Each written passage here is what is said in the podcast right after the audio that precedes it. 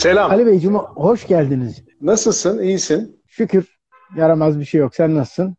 Sağ ol. Ben de kibrin içinde dolaşıyorum böyle işte. Konu belli oldu. Konu kibir.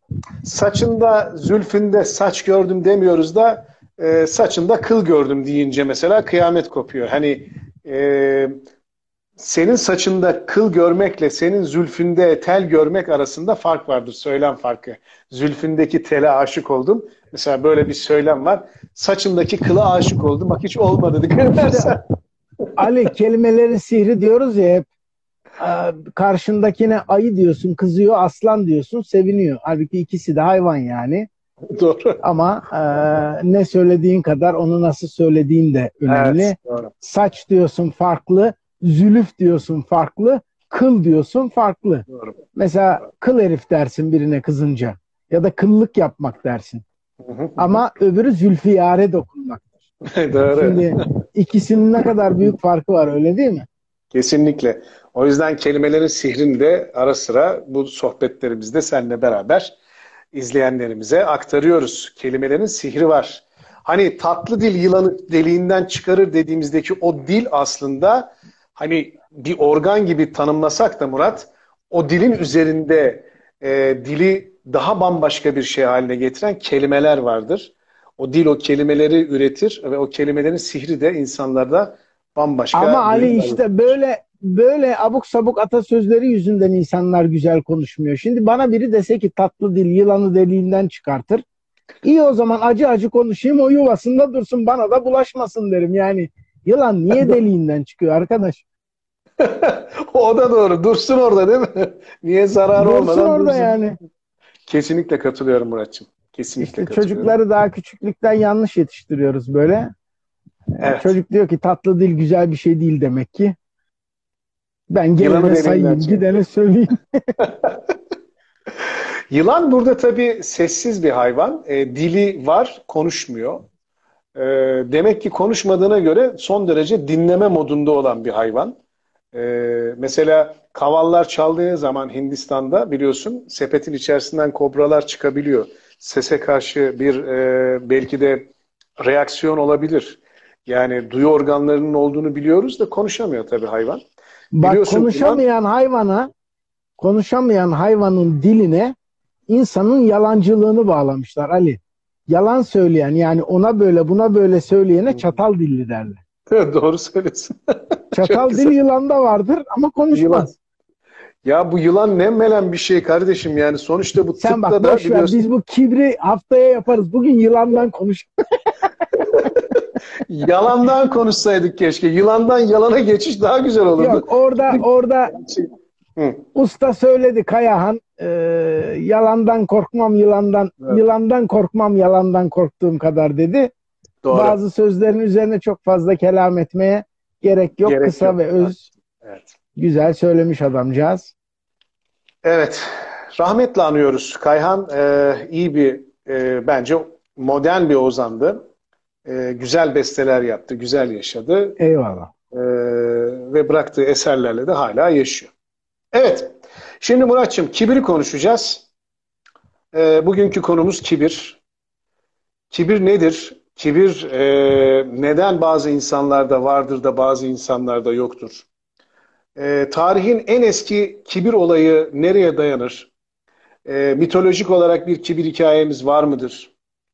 yaşadığımız en e, kısa şu çağda, yaşadığımız şu anlarda kibre matuf bir durumda mıyız? Kibirli bir e, arkadaşımız, dostumuz, komşumuz ya da arkadaşımızdan bir zarar mı gördük? Yoksa o kibri biz kendimize mi örnek aldık gibi hem hayata dair hem işin birazcık etimolojisi hem birazcık mitolojisi geçmişten bugüne bir sörf yapalım diyorum. O yüzden Eyvallah. önce kibir, kibirin kısa bir tanımını yapalım istersen. E, kibire en güzel tanım herhalde insanı kendisini çok üstün görmesi e, ve kendisini başkalarından daha iyi olduğunu, daha yüce bir e, kişilik ya da karakterde olduğunu e, ve herkesin üzerinde bir e, durumda olduğunu görmektir. Demek ki yüksek ve yüce dediğimiz şeylerde bir haş mesafesinden bahsettiğimize göre bir yükseklik e, olgusu var. Yani kişinin kendisini kendi kendini yükseltmesi e, ve dolayısıyla o yükselttiği yerden de insanlara bir kuş bakışı bakarak onları daha değersiz, daha küçük, daha e, alçak kotlarda görmesi gibi tanımlayabilir miyiz? Ne diyorsun? Sevdiğim bir söz var diyor ki kibirli insanlar nasıl intihar ederler biliyor musun? Hmm. Egolarına tırmanırlar, tırmanırlar, tırmanırlar ve oradan kendilerini aşağı bırakıp ölürler Çok. diye. Eyvallah. Ee, bu böyle daha felsefi, daha amiyanesi şu. Halk arasında buna tempra sendromu deniyor. Yaşı yetenler temprayı hatırlarlarsa Fiat'ın bir modeli diğer araba modelleri ve Fiat'ın diğer modellerinden farkı popo kısmının biraz yüksek yapılması tasarım olarak. E bizim Anadolu insanı da Cingöz bunu görmüş. Birilerinin e, arka tarafı yer çekimine meydan okurcasına yükseldiği zaman tempra sendromlu deniyor nazikçe. Yani bunun bagajı biraz havalanmış anlamına geliyor. Güzel. Ee, bu bir kısmı. İkincisi kelimelerin sihri duramıyorum. Tabii illa girmem lazım o tarafa. Oraya Biz, girmeden evvel, oraya Peki girmeden sen devam et, sonra ben Hayır, Devam etmeyeceğim. Araya bir şey sokacağım. De, gene sen devam et. Böyle benim var ya böyle kelimelerle bazı raptiyelerim vardır. Tempra, evet poposu kalkık bir arabadır. Benzetme metaforik olarak doğrudur. Ama yerli arabalar içerisinde daha doğrusu yani o dönemde satılan arabalar içerisinde en çok yağ yakan ve kaputu açtığın zaman e, kartel havzasının olduğu yerde lütfen her bin kilometrede yağ eksiltmeye yağı tamamlayın diye not olan bir arabadır. Yani böyle bir şey dünyada yok Murat. Yağ yakıyor. Demek ki arabanın çok affedersin kıçı kalkık ama yağ da yakıyor yani. Kendinden bir şeyler yakıyor. Yaktığı için de aslında o arabaya binen ve kendi mekanizmasına, motoruna da zarar verebiliyor. Buyur devam edebilirsin. Ali şimdi. öyle tehlikeli bir şey söyledin ki öyle tehlikeli bir şey söyledin ki bak bir hafta sonra tempra diyeti diye bir şey çıkacak. Allah Bunu Allah. yapan yağ yakıyor diye tamam mı? Bizim insanımıza şunun kökünü al, bunun sapını al, onun ucunu kemir, yağların gidecek, göbeğin eriyecek ama poponu hiç kaldırmayacaksın dersen kaç paraya satarsan, ne satarsan alır, yapar. E, niyet değil diyet olduğu için bizdeki e, usul, metot o niyeti bir türlü oturtamaz. O niyet oturmayınca diyet de oturmuyor. Tabii alışmadık bedende de diyet durmayınca hocası var Murat gibi yağ yakamıyor. Niye kendini yoruyorsun ki? Hocası geldi. Profesör Doktor Tankut Akay şu anda bize katıldı. Hocamıza soralım. Hocam yağ yakma sendromunu tempradan örnek alabilir miyiz? Yani zayıflamam için kibirli olmam gerekir mi? Kibir yağ yakar mı? E, hocamız bu konuyla ilgili mutlaka bir yorum yapar diyorum. Aslında yakar Hocam, bak. hoş geldin diyoruz. Evet. Keskin sirke küpüne zarar olduğuna göre yakar da ne kadar yakar? Arkadan nasıl bir duman çıkar? Motor bir yerde asfalta düşer mi? O farklı. Şunu söyleyecektim. Evet. E, kelimelerin sihri deyince. Şimdi biz e, ilkokulda bize şunu öğretiyorlar. Bu Türkçeyi öğrettiklerini düşündükleri dönemde eş anlamlılar ve zıt anlamlılar diye. Hı hı, doğru. Halbuki e, eş anlamlı diye bir şey aslında birebir yok Ali. Yakın anlamlılar var. Doğru. Çünkü eş anlamlı şöyle bir yanlışa götürüyor bizi. Onun yerine bunu, bunun yerine hani ekonomideki ikame kavramı var ya, bunun yerine bunu, bunun yerine bunu, bunun yerine bunu kullanabilirim diye. Halbuki öyle değil. Her bir kelimenin ortaya çıkışının bir hikayesi, bir nedeni, bir amacı var. Şimdi niye bu kadar detaylı, tafsilatlı bir giriş yaptım? Şunun için. Mesela onur ve gururu biz sık sık birbirinin yerine kullanıyoruz. Doğru. Onur ve gurur. Hatta İngilizce'de anır. İşte o onur. Acaba Doğru. hangisi gurur diye. Halbuki tam kelime karşılığı olarak gurur kibir demek. Doğru. Tam kelime karşılığı olarak Karşılığı gurur gur kibir, kibir demek. demek. Doğru. Onur ve ise şeref demek, öz saygı demek. Hı hı, doğru. Şimdi e, gururuma dokundu dediğin zaman aslında şunu diyorsun. Kibrime dokundu. Çok gururlu adamdı dediğin zaman aslında ona hürmet etmiyorsun. Çok kibirli adam diyorsun. Şeref bunlardan biraz daha farklı, daha da ilginç bir tanımı var. Onur öz saygı ya. Şeref de senin o öz saygının toplum tarafından kabul görmesine. Doğru. Yani şerefli Çok. insan denilen insan kendi öz saygısı toplum tarafından da aynı şekilde algılanıp kabul edilen. Mesela eski güzel laflar vardı. Şeref verdiniz, şeref yağ oldum, şeref aldım gibi. Ee, şimdi e, şeref işte en fazla rakı masasında bir şerefe deniyor. Onu bile bilmiyorlar neden dendiğini. Rakı Doğru. masasında niye şerefe denir? Bir hikayesi vardır. Anlatsana. Burada biraz sonra alkol alacağız. E, bir iki duble alkolden sonra dilin kemiği iyice gidecek. Olmayan kemiği. Hı hı, e, hı. Normal hayatta söylemediğimiz şeyleri söyleyeceğiz. Bazı sırlarımızı, bazı özellerimizi paylaşacağız. Hı Dolayısıyla burada konuşulan yani masada konuşulan masada kalır. Şeref sözü mü? Anlamınadır şeref. o şerefe. Yani herkes orada aslında o kadehi vurarak bir şeref sözü vermiş olur. Burada olan burada kalır. Amerikalıların whatever happens in Vegas stays in Vegas dedikleri Vegas'ta olan Vegas'ta kalır. Bizde de rakı sofrasında adaptır. Masada olan masada kalır. Şimdi şeref insanların da senin kendine hani bir, duyduğun bizim, öz saygıyı bizim, bizim Türklerin de bu içeceğini ağzınla iç başka bir yerine içmenin bir başka şekli. Aynen öyle. Aynen zaten işte o adabın devamı Ağzını olarak içersen herkes... ağzını kapatırsın. Ağzınla içersen ağzını kapatırsın. Konuşulanlar orada kalır ama ağzınla içmezsen her yanında bunu etrafa yayarsın e, anlamında. Evet Muratçım devam Aynen edebilirsin. öyle. Dolayısıyla e, önemli olan içtiğinden ziyade o içtiğinin sana etkisi. Doğru. Onu da kontrol etmeye yönelik bir söz. Şimdi e, madem anlamdan geldik sen dedin ki anlamı ne? Bir kere bu gurur demek. Gurur da kibirse, bir yerlerinin kalkmasıysa, kendini senin en başta söylediğin gibi büyük görme, başkalarından üstün görmen, yüksekte görmense işte tam da gururun karşılığı bu. Demek ki gurur da çok e, önemli, çok pozitif bir kavram değil. Onur öyle değil. Onurun işte başka mesela eski dilde evet. izzeti nefis denir. Haysiyet denir. Yani kurumlarda da vardır. Yüksek Haysiyet Divanı. Onur Doğru. Kurulu. Ama hiçbir örgütün gurur kurulu yoktur. Anlatabiliyor muyum? Mesela insanlık yani, onur vardır ama CEO'su olabilir ama evet. Evet Doğru. yani insanlık, insanlık onuru vardır. vardır ama insanlık gururu diye bir kavram geliştiremeyiz. Doğru. Evet dolayısıyla evet. bu bu ufak tefek ayrımları iyi bilmek gerekir. Ama Kesinlikle. temelde e, evet. büyüklenme, kendini büyük görme hı hı, eşittir. Hı. Hani birkaç programda farklı yönlerden konuştuk. Böyle gördün mü ya da bunu böyle gördün mü aynı şey. Kendini büyük görme ya da diğerlerini kendinden aşağıya çekerek görmek kendini demek. yüksekte tutmaya çalışmakta o kibrin ve kibri iten egonun da ortaya koymuş olduğu bir sonuçtur. Eyvallah. Onu e, o benzetmeyi sen e, çok güzel yapıyorsun terazinin iki uçları gibi düşünelim.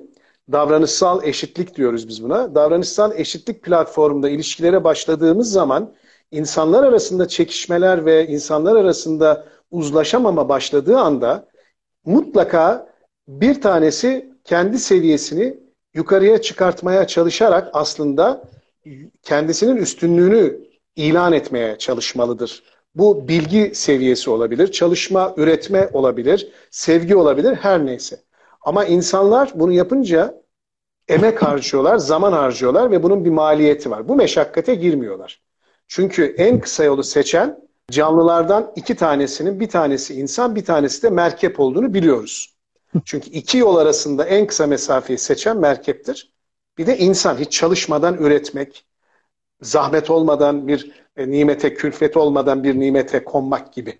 Ama ee, merkep ara sıra yük taşıyor hiç olmazsa. Merkep ara sıra yük taşıyor o bir faydası var doğru. Şimdi bunu e, doğru söylüyorsun. Aşağıya doğru kendisini de itmeyeceğine göre şu karşı tarafı itersek e, ben kendimi ondan daha yüksek bir kotta görürüm e, demesi e, aslında kibrin de ortaya çıkışıdır Murat. Çünkü kibir dediğin yani şey... Yani zaten demin dedik kotunun kalkmasıyla ilgili bir şey. Aynen hani tempra örneğinde verdiğimiz gibi yani tempra. Hani bizde o var kıçın mı kalktı? Hani yürüyüşünden belli.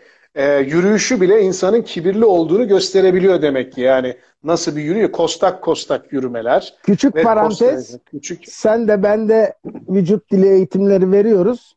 Herhalde o 7-8 saatlik eğitimin en az bir 30 dakikası el, ayak ve vücut hareketlerinde karşıdakinin nasıl böbürlendiğini, büyüklendiğini göstermek e, bizi dinleyene bundan kaçının demek ya da karşı tarafta bunları görürseniz e, vatandaşın biraz kibirli, biraz böbürlenmeyi seven biri olduğunu anlayın demek. Dolayısıyla bu kibirlenmek, böbürlenmek sadece lafsi olmuyor ya da e, hareketli olmuyor. Bir de vücut bile bir süre sonra vücut bir süre sonra bunu tabii. karşı tarafa geçiriyor. Doğru. Bunun mesela kitapta Kur'an'da Yasin suresinde burnu büyük, burnu havada diye tabir kullanırız ya Murat.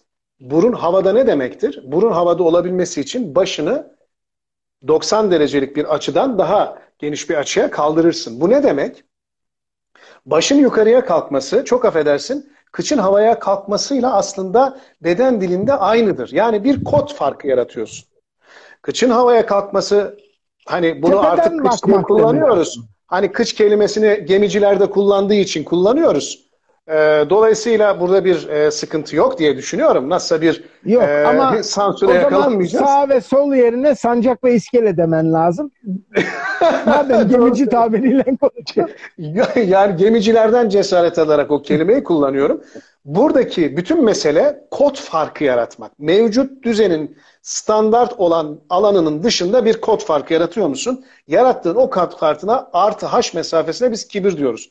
Kur'an'da da diyor ki onlar boyunlarına halkalar geçirilmiş bir şekilde yani e, hesap gününde insanlara kibir yapan, insanlara kibirle zulüm yapan, insanları küçük gören, onları ezen, ezmeye çalışan insan tipolojisini kutsal kitap, Kur'an buna benzer diğer metodolojilerde de vardır bu Sümerlerde de geçer bu Sümer kitaplarında da geçer bu Lahor ve Aşna'nın hikayesi diye boyunlarına halkalar takılır diyor. Boyunların halka takılması demek şu mesafe, boyun mesafesinin yukarıda kalması demek. Yani Abi, sen Afrika'da öyle yaşarken böyle var biliyorsun değil mi? Ama onlar boyunlarını biliyorum Muratçım. onlar gene boyunlarını normal kodda tutuyorlar. Bunlarınki öyle dayanıyor ki öyle dayanacak ki bak diyor sen yaşarken yeryüzünde herkesi küçük gördün ya. Bu dünyada da geldiğinde de aynı şeyi biz sana yapıyoruz. Oradaki metafor çok güzel bir şey. Ben e, Kur'an'dan ve kutsal kitaplardan ve Sümer mitolojisinden dem vurdum. E, kısaca kibrin ilk e, nerede başladığının e, ilk insanlık tarihi kadar eski olduğunu bildiğimiz için biliyorsun e, mitoloji özellikle teolojik mitolojide ilk kibri kim gösteriyor? Tanrı'ya karşı Tanrı'ya karşı iblis gösteriyor. Firavun ha, daha sonra evet. ondan ders alıyor. Yani eyvallah, ilk teolojide eyvallah. ilk teolojide yani Adem'e secde edin dedik ve iblis hariç hepsi eyvallah, secde ettiler. Eyvallah, o ise doğru. diretti ve kibirlendi. Ben ateşten... Ben daha dünyevi düşünüp insan sen aradım. De, sen daha uhrevi düşünüp... Ben çok orijine gittim o yüzden Murat. Çok hızlı gittim yani. yani Big Bang'e e, yakın bir yerde durduğum için o yüzden. O kibirlenmeyi öyle tanımlıyor Tanrı. Yani diyor ki e, neden şeytanın kibirlenmesi e, sorundur? Çünkü şeytan diyor ki ben diyor ateşten yaratıldım, o ise topraktan. Dolayısıyla o topraktan yaratılmış. Yani toprağı daha ucuz, daha adi bir emtia olarak görüyor. Ateş ise daha yakıcı ve daha aydınlatıcı, ısıtıcı, kavurucu, yok edici bir güç. Dolayısıyla diyor ben ateşten yaratıldım, bir topraktan yaratılmış ama secde edeceğim. Burada secdeyi de tabii teologların doğru anlatmadığını düşünüyorum. Gene İhsan abiye sorarsın. İhsan Elaça. Ee, secde etmek, alnın secde etmesi anlamında fiili olarak namazda geçer. Namazın bir ritüelidir. Ama secd kelimesi aynı zamanda saygı demektir. Yani saygılı olun ve dolayısıyla ona bir kötülük yapmayın. Saygılı olmak demek mesafeyi korumak, kötülük yapmamak, ölçülü olmak demektir. Saygının temel şeyi budur, özelliği budur. Korona tedbirlerine benziyor yani. Aynen öyle. Saygılı ol, Daha, mesafeyi koru, mesafeyi maskeni koru, tak. maskeni tak, saygılı ol. Aynen öyle, güzel. Ee, e tabii sen şimdi Profesör Doktor e, Tankut Akay'ın programını izlemediğin için e, çok güzel pro program vardı BTV'de. Geçen e, izledim ben. Yine yayında izleyebilir arkadaşlarımız. E, o bu mesafelerin neden önemli olduğunu çok güzel anlatıyor. Şimdi e, Muratçım son olarak bir şey daha söyleyeceğim. Habil'le Kabil'i söyleyeceğim. Ondan sonra e, artık günümüze doğru geliriz. Nietzsche'ye doğru geliriz istersen. Nietzsche'nin de çünkü çok iyi bir metodolojisi var. E, vakit kalırsa ona da değinirim. E, Habil'le Kabil sonra meselesi çıkıyor işin içine. Çünkü kibri iten güç neydi? Kibri iten güç egoydu. Hani sen çok güzel bir şey söyledin.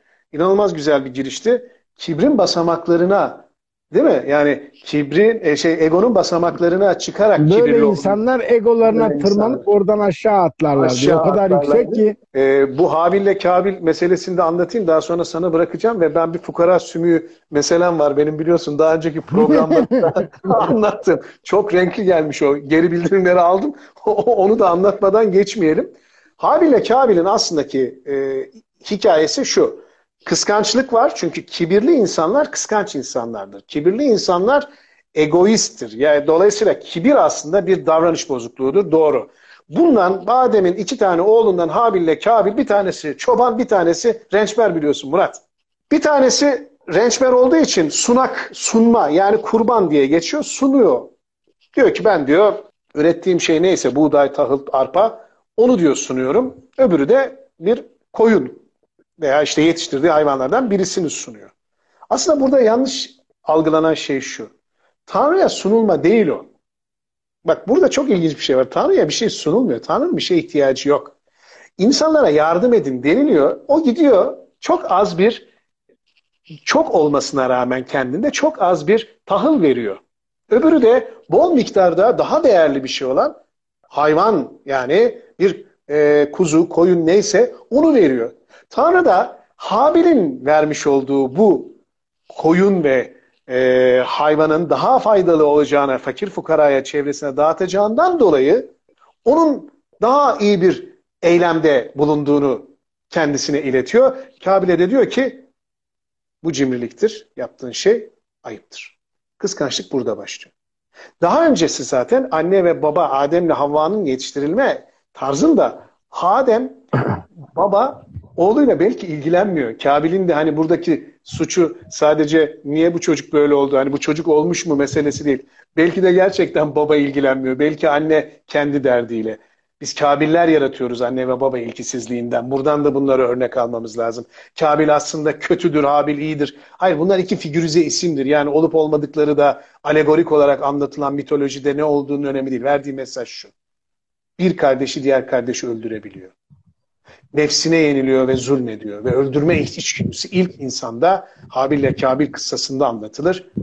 Ama Eyvallah. diyor ki Habil diyor ki ey kardeşim sen beni öldürmek istiyorsun.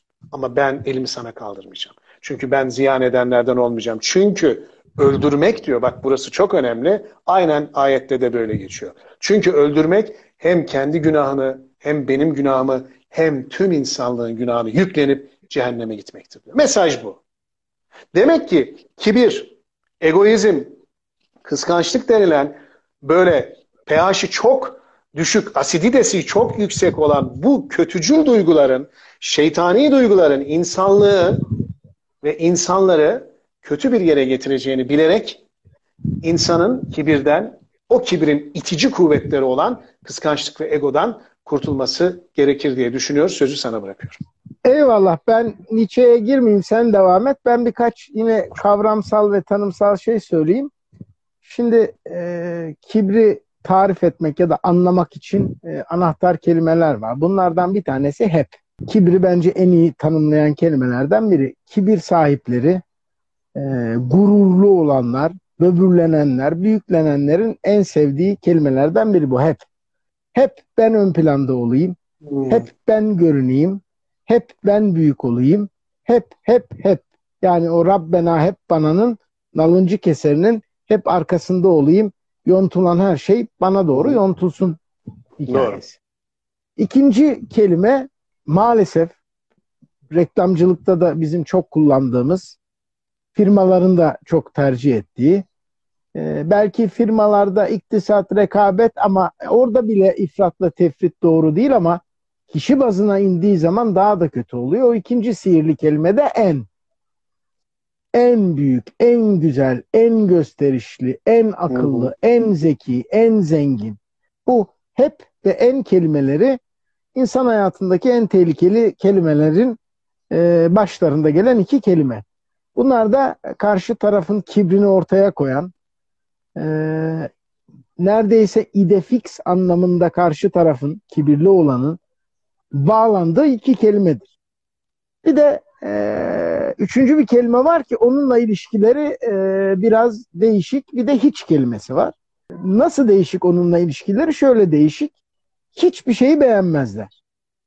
Hiç kimseyi beğenmezler. Çok doğru. Hiçbir Çok şey doğru. onlardan daha büyük değildir. Hı hı, Hiçbir hı. şey onlar için yeterli değildir. Hı hı. Hiçbir şey onlar için tam değildir. Ve e, tabii bu üç ana kavram var ama yan kavramlar da var. Ali mesela e, hep deriz ya delilikle dahilik arasındaki sınır çok incedir diye. Ya da delilikle cesaret arasında da çok ince bir nüans vardır diye. E, burada da böyle e, kavramlar var. Örneğin işte birini tarif ederken dersin ki işte arkadaşım Ahmet çok mükemmeliyetçidir. Şimdi bu mükemmeliyetçilikle mesela kibir arasında da çok ince bir sınır var. Nereye kadar mükemmeliyetçi? Nereden sonra kibirli? Hiç unutmuyorum üniversitede çok iddialı olduğum bir derste e, 95 aldım ki ortalama notlarımda işte 60 olan var, 70 olan var, 80 olan var. İyi bir not 95. Fakat ben de bu sefer diyelim ki kibir yaptım ve hocaya ilk defa hayatımda bir soru sordum.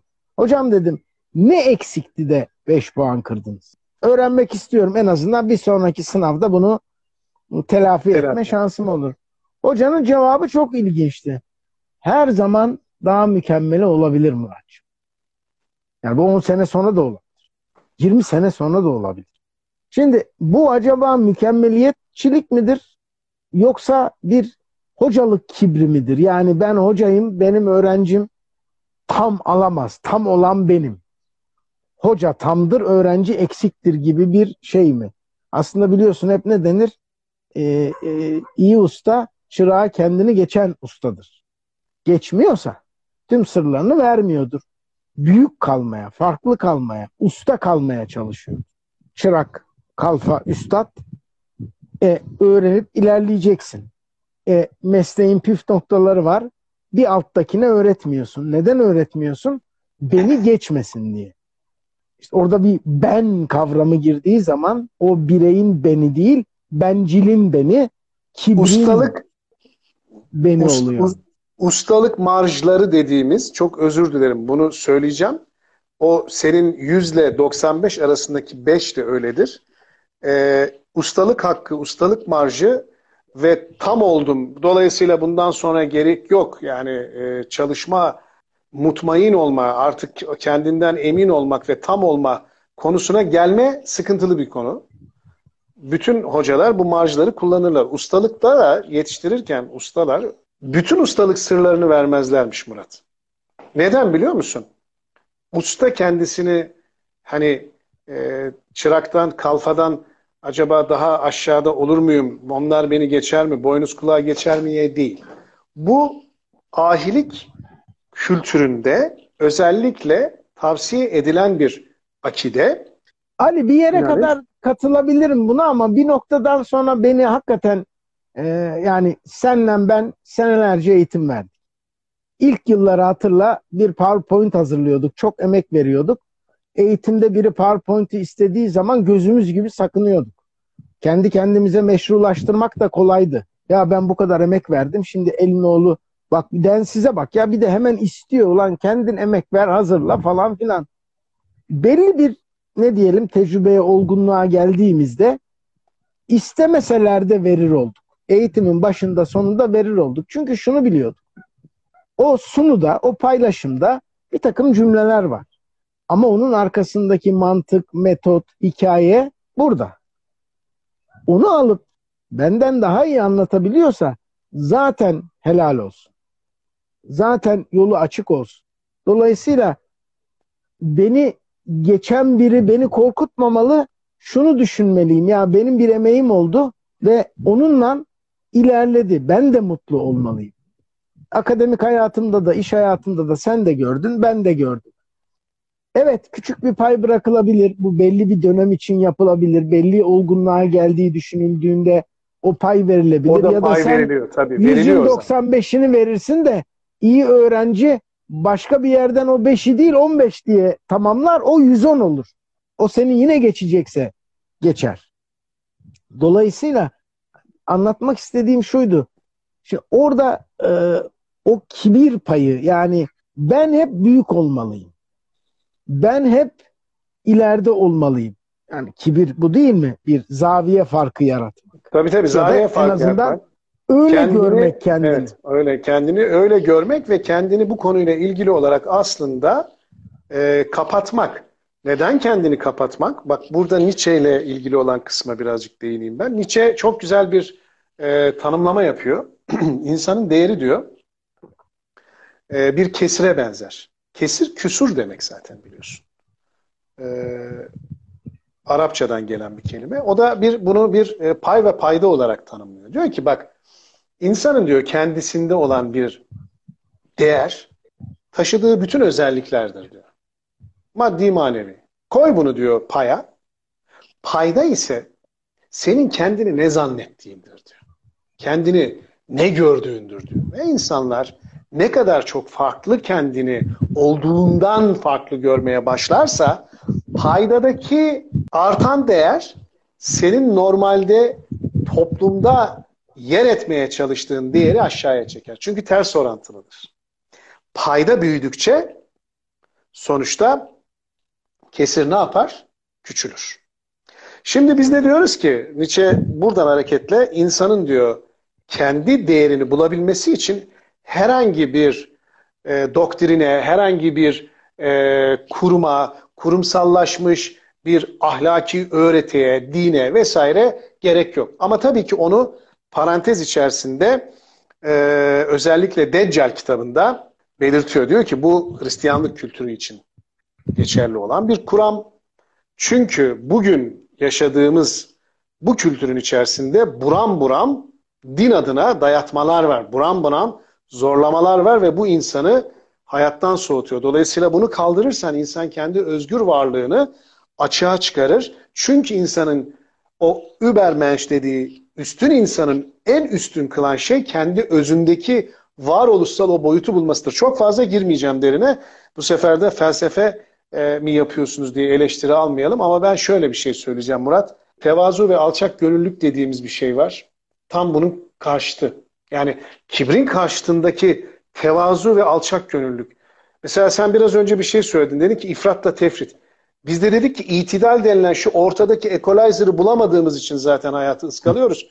Alçak gönüllülük ve tevazunun da fazlası aslında kibirdir biliyor musun? Şimdi onu Bak, diyecektim. Sen şey, girizgah yaptın. yani ee, alçak olması gerekenden fazla alçak gönüllülükle tevazuda bir Göstermenin yollarından e, ne diyelim körün gözüne parmak yolu. Yani ele dümdük anlatma yolu büyüklenmek, böbürlenmek. Ama bir de nazik yolu var. O da aşırı tevazu. Efendim bendeniz, efendim zat-ı aliniz gibi bir takım kelimeler aşırı tevazu işte paçasından ya adamlar noktasına gelen bir takım eğilmeler, bükülmeler aslında kibrin başka bir tezahürü, başka bir göstergesi. Dolayısıyla son derece haklısın. Aşırı e, tevazu bir e, kibir alamet.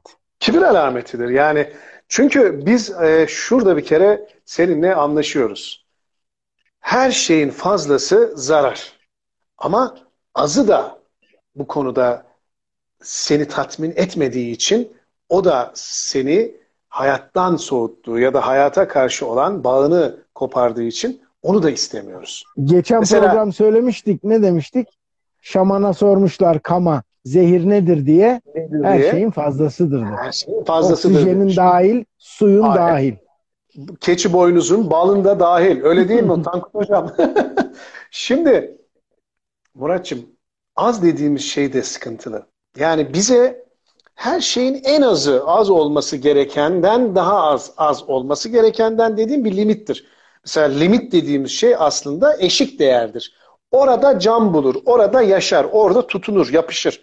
Yani onun altında artık yok olursun. Dolayısıyla mesela bu doğadaki bütün hassas dengelere bak. Yani şu andaki yer çekiminin 9.8 gal olan yer çekimini sen normalde yaklaşık yani binde bir oranında daha düşük olduğunu varsay ve bununla ilgili olarak daha düşük bir yer çekimi hayatında yaşadığın bütün metabolizma ve o metabolizmaya bağlı gerçekleştirdiğin hayati fonksiyonların farklılaşabiliyor. Ve o hayatın farklılaştığı noktada aslında hem biyolojinin ortaya koymuş olduğu hem de aksiyoloji dediğimiz bizim yani davranış ve etiğin ortaya koymuş olduğu şeyler de değişiyor. Yani düşünebiliyor musun? Mesela yer çekimiyle düşüyorsun abi. Demek ki düşme denilen bir olaydan kendini koruman lazım. Kimseyi itmemen lazım. Dikkatli yürümen lazım. Ee, ayağını atarken, ayağını bir yere koyarken dikkatli olacaksın. O dikkatli olabilmek seni hayatta yer çekimine bağlı aslında bir aksiyolojik bir hareket geliştiriyor. Bugün işte onun için tanımı oradan evet. verdik ya belli organların yer çekimine meydan okumasıdır meydan diye. okumasıdır diye ben doğru. kaideyi anlattım sen de burnu anlattın. İkisi de yer çekiminin aksi kuvveti yükselmeye çalıştıkları sürece e, kibri oluşturuyor. Bir de kebir var biliyorsun. Onu da e, söylemek lazım. Kübra, kebir. Kibirden büyük. geliyor. Aslında kibir büyük anlamına geliyor. Hani e, kebir, e, kitabul kebir dediğimiz kebri kitap, büyük kitap. E, bunların her birinin aslında Arapça kökeni. Büyük, büyüklenme anlamına geliyor. Peki biz neden büyüklenmeliyiz? Ne zaman büyüklenmeliyiz? Ne zaman büyüklenmemeliyiz Murat? Büyüklenme dediğimiz şey hangi koşullar içerisinde bir anda kendimizi bu konuda daha güçlü, daha iyi, daha yetkin görmeliyiz ve daha sonra o güç bize şan, şöhret, para, makamla verildiğinde daha sonra kendimizi nasıl küçültmeliyiz? Şimdi bundan çok çok seneler önce bir şeyi anladım ama anlayış şekli anlaşılan şey, şey kadar da önemliydi. Tavus kuşlarını bilirsin değil mi? Evet. Böyle bir açı verir arka taraf tüyler kabartır kendini ve bir anda o bet sesli o iğrenç sesli hayvandan böyle inanılmaz bir güzellik çıkar. Ben e, bir yerde onun erkeği ve dişisini gördüm. Daha doğrusu o kabaranın erkeği olduğunu anlayınca bir garibime gitti. Çünkü bizim aklımızda, bizim e, kafa yapımızda süs daha çok kadına Kadınlara bir şey. Yönelik. Makyaj yapmak, süslenmek, kendine bakmak, giyinmek. Tavus kuşunun bir de dişisini gördüm. E, kel kuru bir şey.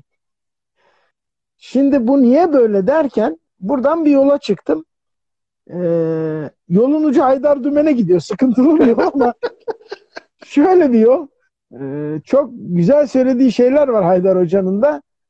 Şunu öğrendim. Doğada bütün neredeyse hayvanların erkekleri kadınlarına kur yapıyor. Yani erkek dişiyi elde etmek için bir kur yapıyor. Tavus kuşu tüylerini açıyor. Kuşlardan en iyi ötenler dişi olanlar değil, erkek olan. En iyi kabaran kediler erkek olan. Ve neredeyse mutlaka istisnası vardır ama neredeyse istisnasız denecek kadar çok hayvanın erkeği dişisini etkilemeye çalışıyor. Haydar Dümen çok keyifli bir bağlantı yapmıştı. Onu söyleyeceğim, devam edeceğim. Dedi ki insan toplumunda ne oluyorsa bu halk yüzünden oluyor. Çünkü dedi doğada doğal seleksiyon yani evrimin iyiye doğru gitmesi, nesillerin daha güzel olması erkeklerin dişiye kendini beğendirip çiftleşme istemesinden dolayı. Bizde dedi kadınlar erkeklere kendini beğendirmeye çalışıyor gibi böyle bir ters bağlama yaptı. Şimdi yani insanda ara... farklı bu. İnsanda farklı mı diyor yani? Evet. Yani işte insanda kadınlar süsleniyor. Kendini ha, erkeklere doğada... beğendirmeye çalışıyor. Anladım. aslında çok da farklı değil. Oraya gelmek istiyorum. E, Aydor Hoca'nın bağlaması öyleydi ama şimdi e, özellikle erkek kesimindeki kibir, gururlanma, büyüklenme tavus kuşunun kabarmasından çok farklı gelmiyor bana Ali. Yani bir beğenilme arzusu. O beğenilme arzusu e, cinsiyetçi anlamda düşünürsen bir karşı cinsi etkilemek. E, karşı cinsi etkilemenin yollarından biri de hem cinslerini de sindirmek aynı zamanda. Doğada da bu böyle. Dolayısıyla böbürlenmek neyle? Mal varlığı. Neyle? Bilgisiyle. Neyle? İşte e, kişiliğiyle. Ben var ya ben, ben küçük dağları da ben yarattım, onu da ben bilirim. Bu illa paraya bağlamak zorunda değiliz. Ben onu da yaptım, bunu da yedim, onu da gördüm. Ben, ben, ben, ben diye devam eden şeyler. Aslında bu e, şimdi tabirim mazur görün diyeceğim ama sen varsın. İnşallah görürsün. Hani başka bir hayvanda bacağını kaldırıp bir alan işaretliyor biliyorsun iş yeri. Şimdi insanda herhalde şöyle oluyor. Ne kadar yükselirsem oradan o kadar yarı çapı ben işaretlemiş oluyorum gibi algılıyor herhalde insanlar. Tamam mı? Şimdi ıslak imza diye bir kavram çıktı ya çok gülüyorum. Hayvanlar diyorum senelerdir ıslak imza kullanıyorlar. Islak imza kullanıyor. Ya. Çok, çok doğru. Dijital yapan yok. Dolayısıyla Süper. bir alan işaretleme. Kıskançlık konuşmuştuk hatırlıyorsun. Evet, evet, evet. Orada bir şeye bağladık. Neye bağladık? Dedik ki bir eksikliktir. Hı hı hı hı. Aslında bir eksikliktir. Ben aynı noktadayım. Ben diyorum ki böbürlenme ve kibir de bence temel kaynak olarak bir eksiklikten kaynaklanıyor. Bir eksiklik doğru. Bir Kendinden habersizliktir diyor. Evet. Evet. Devam et bir eksikliği hissetme dediğin şey ben tamamlayacaktım. Ee, devam edebilirsin. Çok güzel gidiyoruz. Ee, kibir kendinden habersizliktir Murat. Kendinden haberin yok. Yani iyi olan duyguların sana bir ses vermiyor. İyi olan duyguların sana bir mesaj vermiyor. Orayı körlemişim. Kör tapayla kapatmışım. Yani şimdi şu açılan kapanan otomatik kapılarda bile bir sens var ya. O sens, sensörlere göre bir hareket algısına göre açılıyor, kapanıyor değil mi? Yani cansız bir şeyden bahsediyoruz ama fonksiyonel. Sen canlısın, düşünebiliyorsun ve iraden var ve senin senslerin var. Ve o kadar karmaşık ve o kadar hayata dair ki o kadar yaratıcı ve o kadar iyilik potansiyeli yüksek ki sen bu senslerini körlüyorsun. Kör topayla bunları tıkıyorsun. Ben devam edeyim. Şimdi e, bir kendi farkında olmamak kısmı var ki doğru katılıyorum. İkincisi de e, belki hem o farkında olmamanın bir parçası belki de başka bir tezahürü ona inanıp başkalarının da o yalana inanmasını sağlamaya çalışmak gibi. Yani kendine bir yalan söylüyorsun. Diyorsun ki ben var ya ben onun var, bunun var, şunun var, büyüğüm, şöyleyim. Sonra o söylediğin yalana inanıyorsun o söylediğin yalana inanmakla kalmayıp bu sefer başkalarını ona inandırmaya çalışıyorsun. Dolayısıyla o yalan e, hayatın haline geliyor. Belki aşırı bir kavram mı olur bilmiyorum ama yalan bir süre sonra maalesef senin gerçekliğin haline geliyor.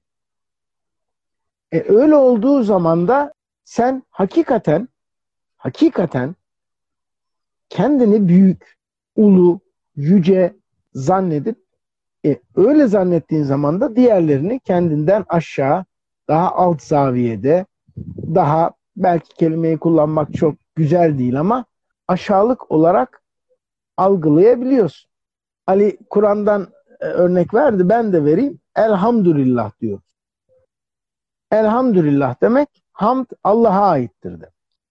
Yani ululuk, yücelik Allah'a aittir demek. Bunu tersten okumayı bilirseniz ondan başkasının yüce olmadığı ya da kendini yüce hissetmemesi, böbürlenmemesi, gururlanmaması gerektiği ortaya çıkar. Bu sadece Kur'an'da değil, İsa'nın öğretisinde de tevazuluk, mütevazilik vardır. Musa'nın öğretisinde de vardır.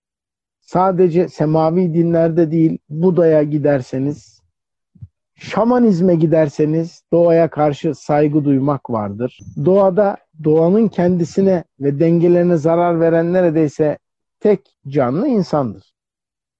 Çok güzel bir laf var. Diyor ki doğada hiçbir şey kendisi için yaşamaz. Su kendisi için akmaz. Güneş kendisi için doğmaz. Ağaç kendisi için meyve vermez. Galiba bir tek biz böyleyiz doğada. Nalıncı keseri gibi olan. Dolayısıyla kibir insanın kendini büyük görmesi, insanın kendini dev aynasında görmesi. Hani var ya eskiden Luna Parklarda öyle aynalar vardı.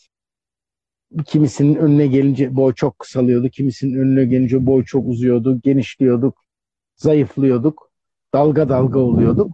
İşin komik tarafı aynadaki tezahürü gerçek zannedip ona inanıp işte yalanı gerçek zannedip ona inanıp onu yaşamak ve dışarıdan görüldüğü zaman e, keşke kendilerini bir de bizim gözümüzde görebilseler. Hiç öyle büyük olmuyorlar. Hiç öyle anlı şanlı olmuyorlar. Aksine benim şahit olduğum pek çok durumda son derece komik duruma düşüyorlar. Son derece e, o eksikleri görülüyor. Görüldüğü için de bazen komik, bazen trajikomik hatta bazen acınası hale geliyorlar. Dolayısıyla kibir yedi ölümcül günahtan da birisidir biliyorsunuz. Ee, insan için, hayat için, doğa için doğru bir şey değil. O zaman bugünlük burada keselim. Sonra ya bir başka konuda ya bu konunun devamında bir arada oluruz. Yeniden görüşünceye kadar kendinize iyi bakın.